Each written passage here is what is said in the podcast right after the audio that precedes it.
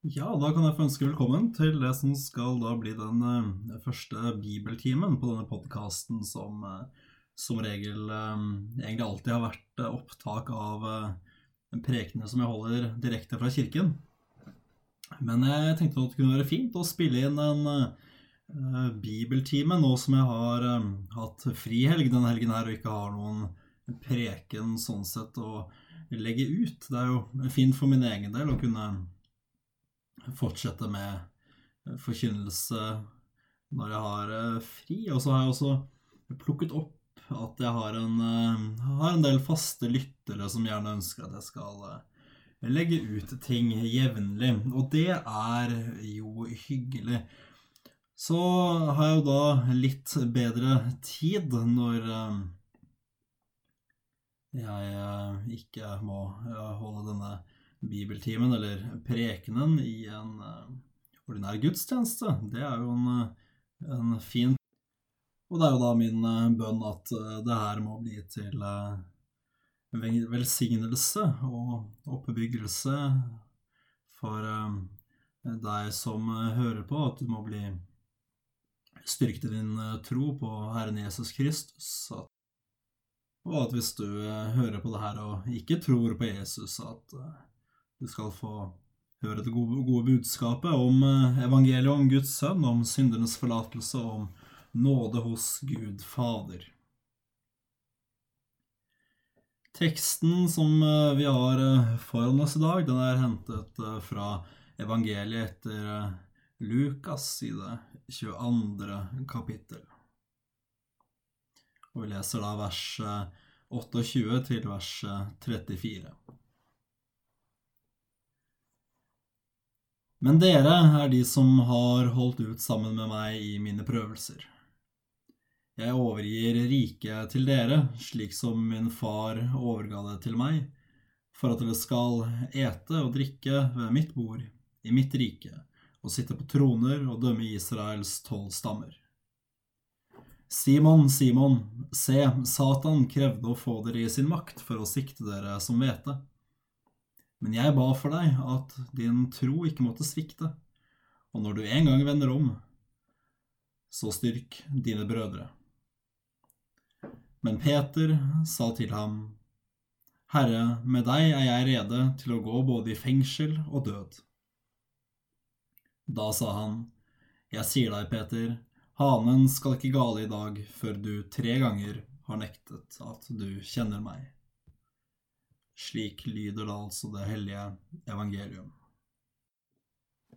Det er litt interessant at Jesus sier nettopp dette til disiplene i dag, at det er dere, dere er de som har holdt sammen med meg i mine prøvelser, som vi leste i da vers 28. For hvilke prøvelser er det egentlig snakk om? Er det, er det sånn at de verste prøvelsene ligger bak dem allerede, eller er det sånn at de tyngste og mest krevende prøvelsene ligger foran? Det er vel strengt tatt det siste, nettopp.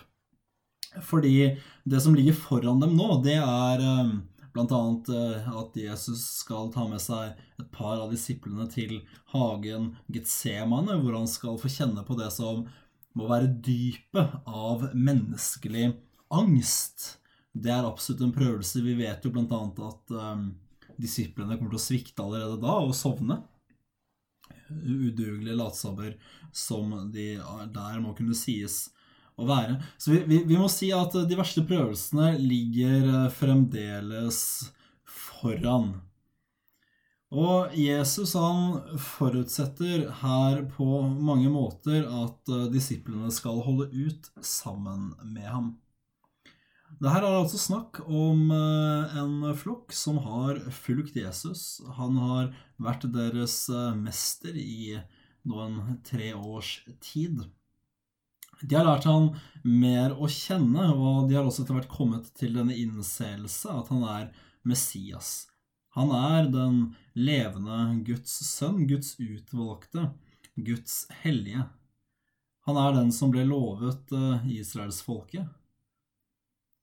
Og Jesus forutsetter at uh, disse som har vært trofast mot han i denne tiden, de skal også holde ut sammen med ham. Da er det jo interessant at uh, dette hvert også kommer fram, og det kommer vi tilbake til, at Jesus vet egentlig at disiplene kommer til å svikte. Og det vet også vi som uh, kjenner vår bibelhistorie. Likevel har Jesus denne forutsetningen at de på en eller annen måte holder ut. Så vil vi kanskje etter hvert også komme nærmere inn på hva dette egentlig betyr å holde ut. Om det betyr at vi aldri svikter, om det betyr at vi aldri trår feil, at det betyr at vi alltid har kontroll på alt og aldri synder. Men først og fremst det vi kan eh, dra ut av vers 28, det er at Jesu prøvelser er noe vi som troende kristne skal ha del i. Vi vet og vi tror at eh, Jesus kom til eh, jorden bl.a. nettopp for å lide og dø. For å prøves på mm, absolutt mest krevende måte. Dette her var nødvendig for at han skulle sone våre synder, for at han skulle kunne ta på seg våre synder, sånn at vi kunne få fred med Gud. Men vi skulle kanskje tro at uh, dette her var noe Jesus bare kunne gjøre for oss, helt uproblematisk. At uh, han gjorde det for oss, og så kunne vi lene oss tilbake og egentlig bare ta imot. Men vi vet jo at sånn er det ikke, og det er også noe av det vi ser av dette skriftordet her, at Jesu prøvelser er noe vi skal ha del i. Og sånn var det, og sånn eh, er det også for eh, oss kristne som eh, lever i dag. Men sånn var det for de aller første kristne. De tidligste kristne, apostlene og deres disipler, deres etterfølgere, alle som kom til tro på den Herre Jesus Kristus, de fikk absolutt kjenne på kroppen at de hadde del i Jesus sine prøvelser. De ble hånet, de ble forfulgt, de ble jaget for den tro og for det håp de hadde på den treenige Gud. Så vi skal ikke undre oss når eh, også vi opplever prøvelser, når vi ser at verden hater oss fordi vi er kristne. Og det skal vi ikke undre oss over. Det sier også Jesus til oss et annet sted i Den hellige skrift, at dere skal ikke undre dere når verden hater dere, fordi den har hatet meg før dere. Verden og Kristus er to atskilte størrelser. Verden ligger i Satans makt og vil alltid være kirkens og Jesus sin fiende. Så vi skal ikke undre oss. Prøvelser og forfølgelse er også ifølge apostelen Paulus noe vi skal gå igjennom. Og da tenker jeg at det er en god trøst for oss kristne å vite at våre prøvelser dypest sett også er Jesu prøvelser. Og det skulle tilskynde oss å holde ut. Samtidig som vi vet at eh, det er ikke bare enkelt å holde ut.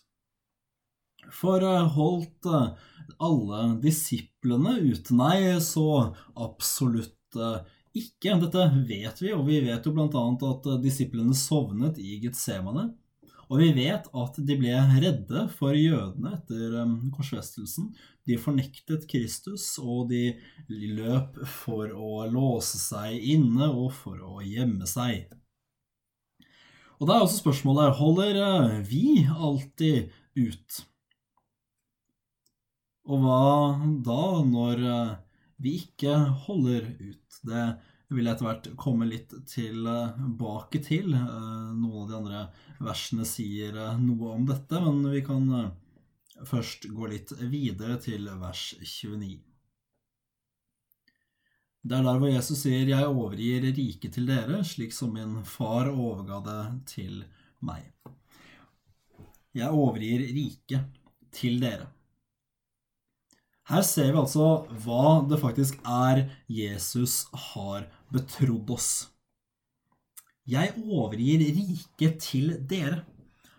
til helt ordinære, syndige mennesker så overgir han oss altså Guds rike som Jesus har fått overgitt fra Faderen. Og det er interessant, for tenk hvor stort dette er. At vi faktisk har fått og blitt betrodd Guds rike. Det tenker jeg at skulle um, sette en ganske betydelig grad av ærefrykt i oss. For hva er egentlig riket? Jo, det er der Jesus eh, er. Og kanskje først og fremst er det der Guds ord forkynnes klart og rent. Det er ikke sånn sett en uh, overåndelig manifestasjon av uh, tryllekunstner, av uh, underlige helbredelser og den type ting. Miraklenes tid tror vi jo på en måte at det ikke er forbi. Samtidig så må vi holde fast ved at Guds rike, det er primært der hvor Guds ord forkynnes klart og rent. Det er det store underet. Det er mirakelet. At Guds ord, at evangeliet om Jesus Kristus, det bærer i seg kraften til å forlate syndene. Der finner vi synsforlatelse. Der finner vi nåde hos Gud. For Jesus han ble overgitt dette riket for å bringe det til jorden. Han kom som Guds eget ord for å forkynne omvendelse og tilgivelse for syndene. Jesus kom for å vise oss at Gud er nådig. Det er det vi ser i evangeliet.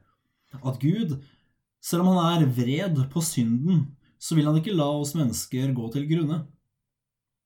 Nei, han gir oss en eh, mulighet til å unnslippe denne vreden. Han gir oss Jesus, og han gir oss evangeliet. Det er jo egentlig essensen av evangeliet om Jesus Kristus. Omvendelse og tilgivelse for syndene. At Gud ikke lenger er vred, men for Jesu Kristi skyld så er han nådig mot oss mennesker. Dette er en god ting, og dette er noe vi skulle holde fast ved. Og ofte så har jo vi kristne blitt beskyldt for å være strenge, for å komme med pekefinger og for å være harde og loviske. Langt på vei så kan det være kritikk vi kan eh, ta til oss. Samtidig så er vi nødt til å holde fast nettopp ved både omvendelsen og tilgivelsen for synderne. For hvis vi mister omvendelsen, så har vi mistet noe sentralt. Fordi dersom vi ikke omvender oss, så kan vi heller ikke få forlatelse for våre synder. Vi kan ikke forvente at hvis vi ønsker å bli i våre synder, hvis vi ønsker å leve i kontinuerlig opprør mot Guds bud og mot Guds vilje, at vi da kan bli tilgitt. Gud er nådig, men denne nåden forutsetter omvendelsen. Nettopp fordi omvendelsen også er en forutsetning for synsforlatelse. Og hvorfor er da dette med synsforlatelse så viktig? Jo, for det er jo som eh, Martin Luther skriver i sin lille katekisme, der forlatelse for syndene er, der er også liv og salighet. Liv og salighet, det er to ting som er den, de rake motsetninger av synden og det som er evangeliets fiende. Motsatsen til liv er død. Motsatsen til salighet er fortapelse. Og motsatsen til forlatelse for syndene er tillatelse for syndene. Vi lever i et samfunn som har eh, beveget seg såpass langt bort fra Guds ord at eh, ting som eh, Guds ord alltid har holdt fast at er synd, og som strider imot Guds vilje, de er nå tillatt i samfunnet. Og så har det blitt sånn at hvis du prøver å heve stemmen litt og si at vent, vent litt, er ikke det der kanskje litt galt, så blir du ganske raskt klubbet ned. Det er som eh, det moderne mantraet sier, alle skal med, og hvis du ikke vil være med, eh, da er du ganske ille ute. Men dette er altså det riket vi er betrodd. Liv og salighet når eh, forlatelse for syndene forkynnes. Dette er vi nødt til å holde fast ved. Liv og salighet, det er den beste gaven Gud kan gi oss. Det er konsekvensene av evangeliet. Når evangeliet er syndernes forlatelse, da er dets konsekvenser liv og salighet. Og det her skal du høre hvis du ikke tror på Kristus, hvis du ikke ennå har vendt om. At vel kan du kanskje tro at uh, Gud finnes, men troen på at Gud finnes, troen kanskje på at Kristus var en historisk person, den har ikke kraften til å frelse deg. Hvem som helst kan jo tro at Gud finnes. Satan selv tror jo at Gud finnes. Men det du må gjøre, det er å vende om til din Gud som har skapt deg, til din frelser som har ja, nettopp det, frelst deg. Og da bærer det Guds løfter med seg at eh, når du vender om, og når du tror evangeliet om Jesus Kristus, da går du over fra døden til livet. Du går over fra fortapelsen og til saligheten. Dette kjære kristne, er det rike vi er betrodd. Dette er det evangelium vi er betrodd, og det skulle vi forvalte på en mye bedre måte enn det vi gjør i dag. Det er ganske alvorlig å svikte den betroelsen som Jesus selv har gitt oss. Jesus kom for å forkynne nettopp det, omvendelse og forlatelse for synderne, og når han overgir oss sitt rike, da er det det også vi skulle gjøre. Og da er det vondt og det er leit å se hvordan eh, vi som kristne og vi som kirke i dag egentlig bare gjør alt annet. Vi snakker om eh, skaperverk, f.eks. Det er et eh, veldig godt eksempel. Vi er også betrodd Guds skaperverk, som eh, vi kan lese i beretningen fra første Mosebok om, om skapelsen, hvor Adam og Eva blir betrodd Guds skaperverk. Men å verne om skaperverket, det frelser ingen. Men å forkynne omvendelse og forlatelse for syndene, det kan frelse. Fordi når noen vender om, tror evangeliet, da blir de frelst. Og hele poenget her, det ser vi jo også videre hvis vi leser da vers 30. Og der sier Jesus, for at dere skal ete og drikke ved mitt bord i mitt rike, og sitte på troner og dømme Israels tolv stammer. For det er jo dit vi er på vei. Guds rike. Guds rike er også der Gud er. Himmelen, himmelen, som det gjerne tradisjonelt har blitt eh, kalt i Den hellige skrift, hvor vi skal sitte til bords med Herren selv. For å komme dit så må vi tro evangeliet, vi må bevare evangeliet, vi må forvalte evangeliet på en god måte, vi må tro det, og vi må lære det. Dette er viktig. For alternativet, det ser vi andre steder i Skriften, det er å ikke sitte til bords i Guds rike. Og det er å bli dømt. Da tenker jeg at jeg har eh, sagt nok om eh, dette, og vi går eh, videre til vers 31. Og Der leser vi at Jesus sier videre.: Simon, Simon, se, Satan krevde å få dere i sin makt for å sikte dere som hvete. Det er interessant å se at Satan han eh, holder aldri opp med å prøve å få makt over Guds kirke. Djevelen er altså så intenst frekk at han går da til Jesus, som vi kan lese av denne teksten, og krever å få sikte disiplene som hvete. For djevelen, han vet at eh, de er eh, syndere. Han vet at de har sviktet, og at de kommer til å svikte. Og han ønsker å få skille dem ut for å kunne ta dem med seg til helvete, dit Satan selv er på vei. Og dette skal vi vite, at eh, evangeliet er et gammelt evangelium. Og evangeliet har også en gammel fiende. Helt fra begynnelsen av så har Satan prøvd å få makt over Guds folk. Det vil han aldri holde opp med, ikke før dommen. Så mens vi går i denne verden og ser hvor eh, vanskelig livet er, hvordan vi sliter og hvordan vi strever, skal vi også vite at vi har en eh, mektig fiende som også i dag prøver å forsikte Guds folk som vet det. For djevelen, han vet at vi er syndere. Og han vet at sånn sett så er han egentlig vår herre. Og særlig når vi befinner oss eh, i vår eh, ubotferdige stand. Altså, det, det, vil si når vi nekter å vende om, når vi sier at ja vel, kanskje er jeg en synder, men jeg trenger vel ikke å vende om, men eh, Eller kanskje til og med at nei, er det vel synd det jeg holder på med?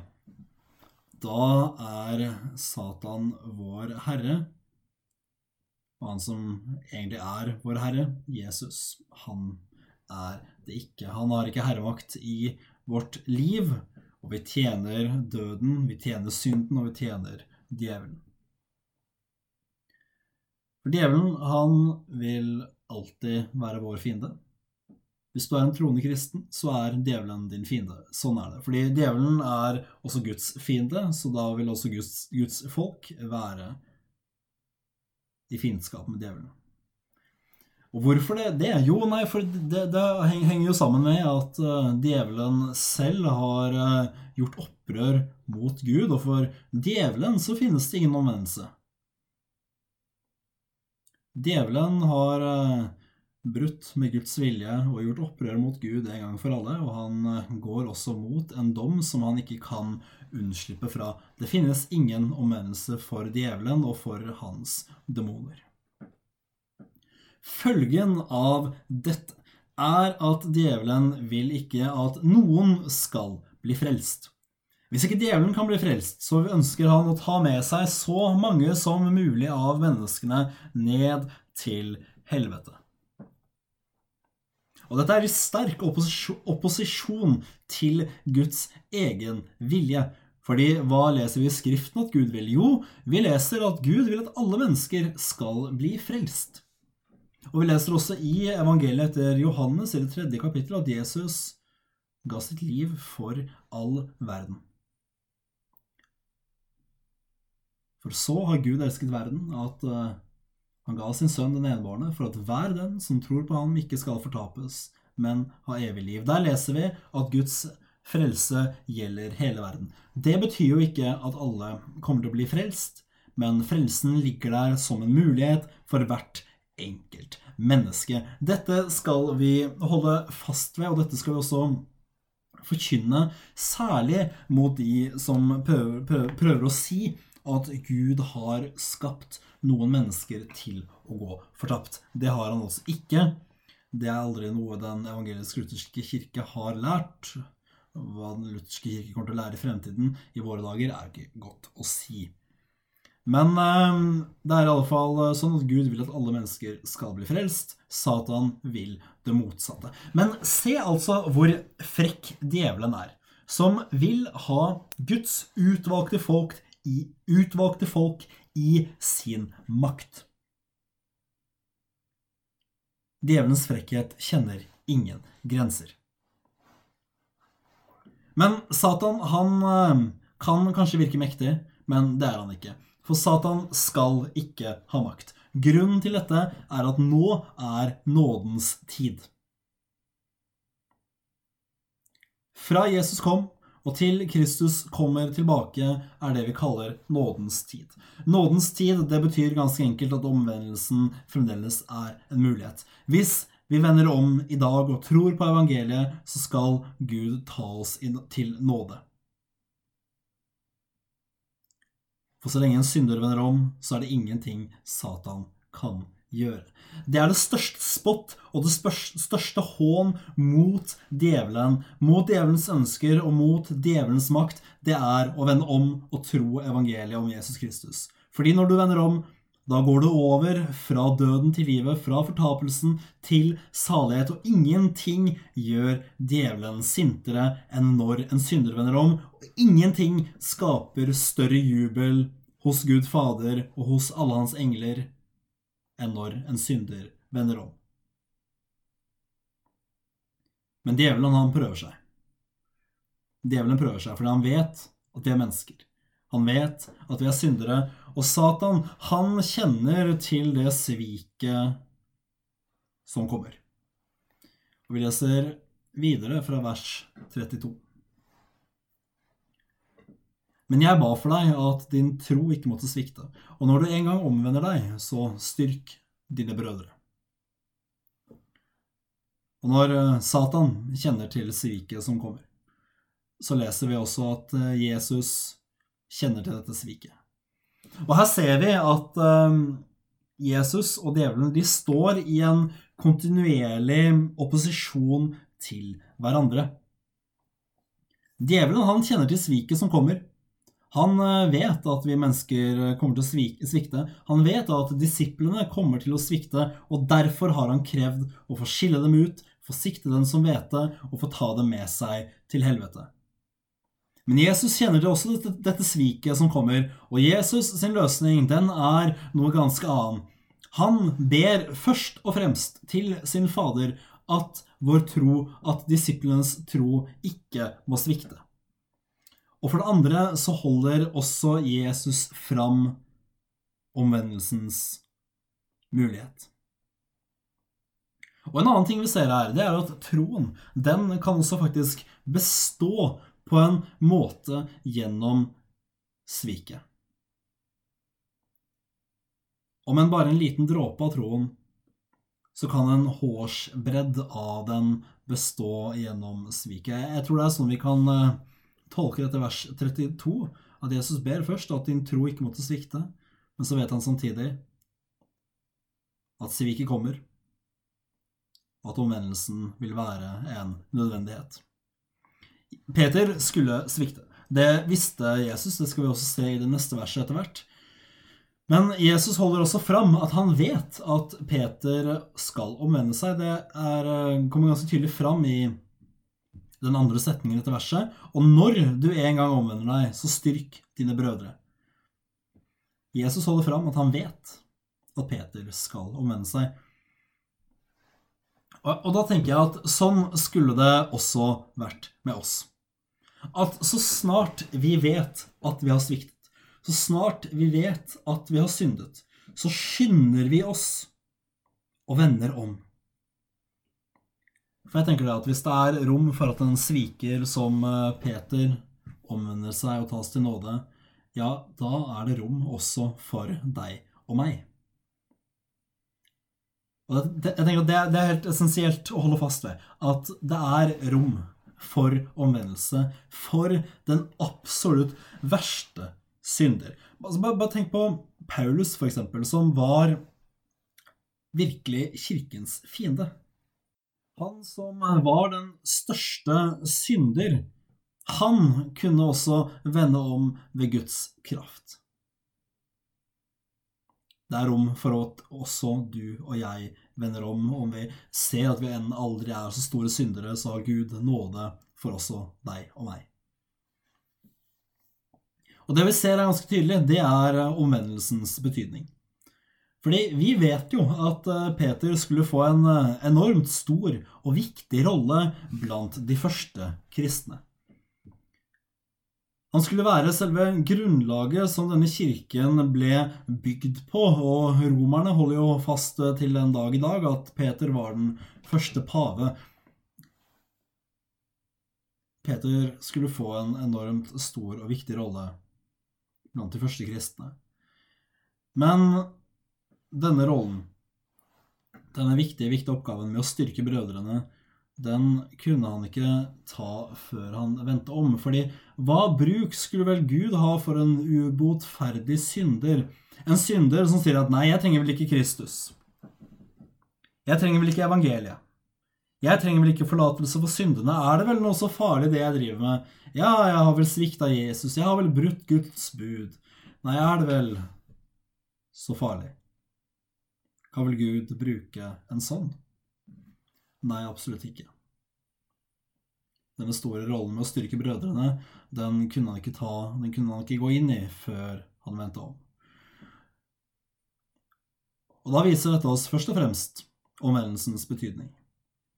Men for det andre så skulle det også vise oss at Gud, han kan bruke også meg. Han kan bruke deg. Du kan være en trofast Guds tjener. Om du kanskje i dag ser på deg selv og ser at du er verdens største og verste synder, kanskje ser du ingenting godt i deg, og kanskje er det sant, kanskje er det ingenting godt i deg, kanskje er du en enorm synder som lever langt borte fra Gud.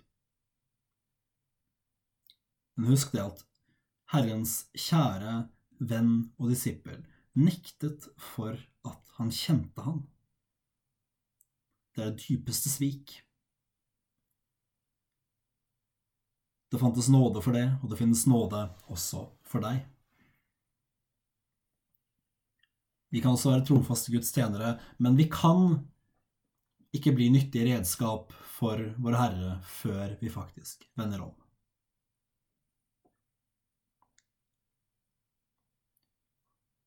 Og da er det nødvendig at vi gjør nettopp det, eh, og ikke tenker at eh, jeg kommer aldri til å svikte Jesus. Vi ser hva Peter sier i vers 33. Men Peter sa til ham, Herre, med deg er jeg rede til å gå både i fengsel og i død. Det er ingen som vil svikte sin herre. Og Peter han skulle vel så visst ikke svikte han heller. Peter er kjent som en brå og overbodig disippel. Og han skulle så visst ikke svikte. Det erklærer og forkynner han høylytt. Jeg skal gå både i fengsel og i død med deg. Og kanskje pleier ofte vi å si det samme, at jeg skal vel aldri svikte Jesus. Det er ingen som vil svikte sin herre. Men uh, hvor ofte gjør ikke vi som Peter? At vi sier nettopp dette, dette, dette, dette samme. At vi sier at 'jeg skal aldri svikte'. Og så gjør vi nettopp det. I neste sekund.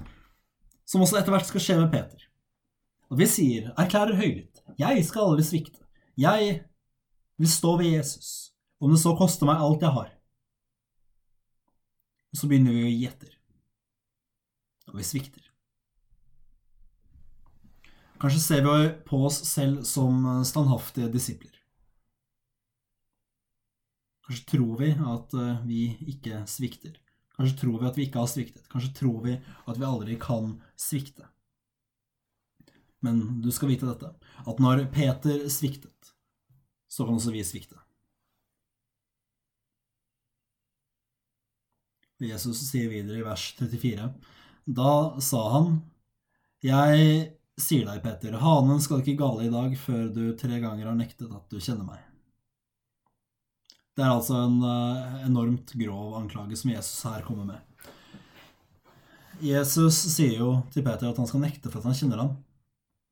Å nekte for å kjenne Herren Jesus, det er ensbetydende med å gå fortapt. Det kommer vi ikke utenom. Hvis vi fornekter Jesus, så vil også han fornekte oss. Hvis ikke vi kjennes ved Jesus for mennesker, så skal heller ikke han kjennes ved oss på den siste dag. Og det er en situasjon som vi ikke vil være i. Men likevel. Vi svikter, vi faller, og vi sliter. Vi er feilbarlige mennesker, akkurat som Peter var. Så hva er vel vårt håp når vi svikter? Jo, vi har ett håp. Og det er at Jesus med oss, som med Peter, vil være nådige. Og kan vi stole på dette? Kan vi stole på at Jesus vil være oss nådige? Ja, det kan vi, fordi det har vi Den hellige skrift, Bibelen, Guds ords løfter på. Fordi vi vet at nå er nådens tid. Vi befinner oss i denne nådens tid, som betyr at omvendelse og tro på evangeliet fremdeles er en mulighet for alle mennesker. Og dette skulle tilskynde oss å alltid vende om. Vi skulle vende om daglig fra de ulike synder vi gjør, og om vi befinner oss i en grovere situasjon med villet, kontinuerlig opposisjon mot Guds bud, Guds vilje og mot den hellige apostoliske lære, skulle vi vende om mens det fremdeles er tid, fordi en gang så vil det faktisk være for sent. Men ennå er det ikke for sent. Gud, han drøyer for nådens skyld. Og da tenker jeg at vi bør ikke ta noen sjanser. Vi skulle ikke synde på nåde. Vi skulle ikke si at eh, ja, nei, jeg kan vel vende om i morgen. Jeg er vel så farlig om eh, jeg har eh, forlatt et av de sentrale punktene i den tro og i den lære som vi har fra apostlene? Er det vel så viktig? Jeg kan vel kanskje vende om i morgen, jeg kan vel kanskje vende om en uke. Vende om om en uke. Eller kanskje til neste år skal jeg vende om. Du vet ikke om det blir noe neste år. Du vet faktisk dypest sett ikke om det blir noe i morgen. Mens i dag fremdeles kalles i dag, så skulle vi vende om. Vi skulle ikke synde på nåde, men tro evangeliet om Jesus Kristus. Vi vet aldri når nådens tid er ute.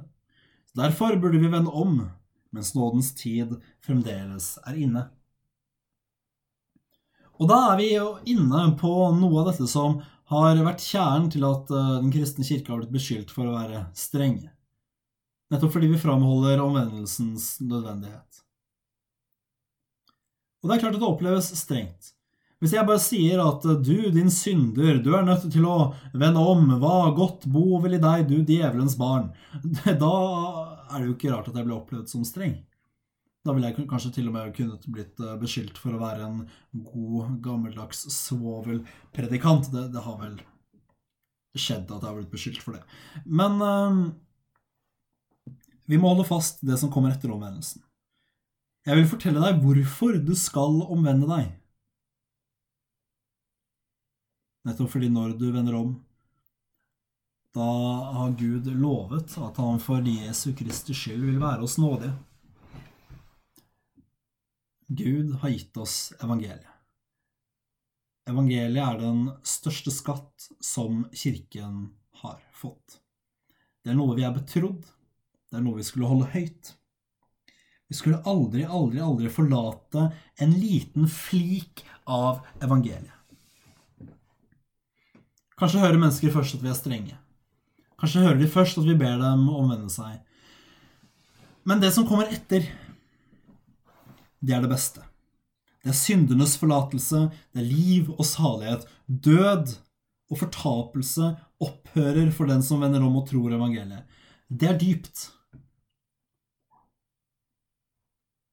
Og Vi må aldri tro det at det er omvendelsen sånn sett som gjør oss salige. Nei, det er troen på Kristus som gjør oss salige. Hadde det vært omvendelsen som gjorde oss salige, så ville vi vært gjerningskristne. Vi kan ikke fortjene saligheten. Det ville vi aldri kunne gjøre.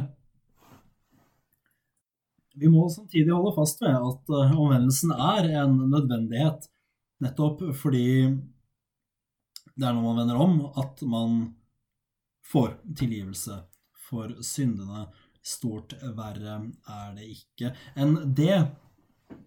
Og da ser jeg at eh, jeg har holdt på i nesten 40 eh, 40 minutter. Jeg tenker at det må vel egentlig være bra. Vi er kommet oss eh, gjennom de versene fra Lukas 22. Eh, kapittel. Jeg håper at eh, du som har hørt på i dag, har fått høre evangeliet om Jesus Kristus. Det er, som jeg har sagt, den største skatt som vi har. Det er en skatt vi har fått fra Gud selv. Det er en skatt som forteller oss at ja, vi mennesker er syndere, men den forteller oss samtidig at Jesus Kristus har kommet for å gi sitt liv for oss. Og når vi vender om, og når vi tror dette hellige evangelium, da får vi syndenes forlatelse. Og da, der hvor uh, syndernes forlatelse er, ja, der er også liv og salighet. Og liv og salighet, det er det beste tingene som Gud gir oss. Og det skulle vi være takknemlige for, og vi skulle holde fast ved dette. og forkynne det alltid klart og rent for alle mennesker, slik at så mange som mulig kan høre om Kristus og komme til tro på ham og hans hellige evangelium. Ja, da tenker jeg å si at vi er i um, mål. Takk til uh, deg som uh, hørte på. Jeg ser på lydprogrammet mitt her at det er litt sånn um, variasjoner i lydbølgene. Så hvis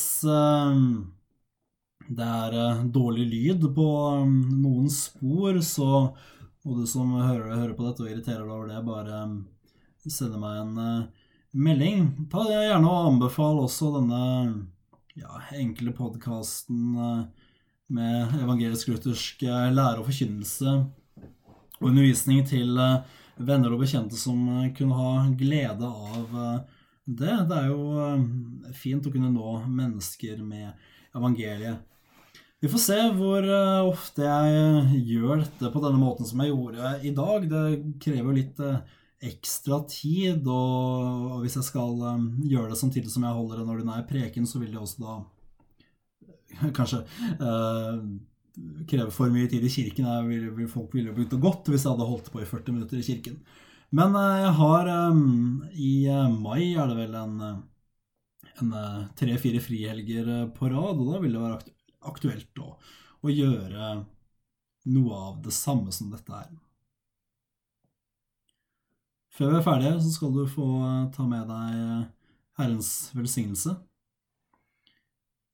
Herren velsigne deg og bevare deg. Herren la sitt ansikt lyse over deg og være deg nådig. Herren løfte sitt åsyn på deg og gi deg fred. Amen.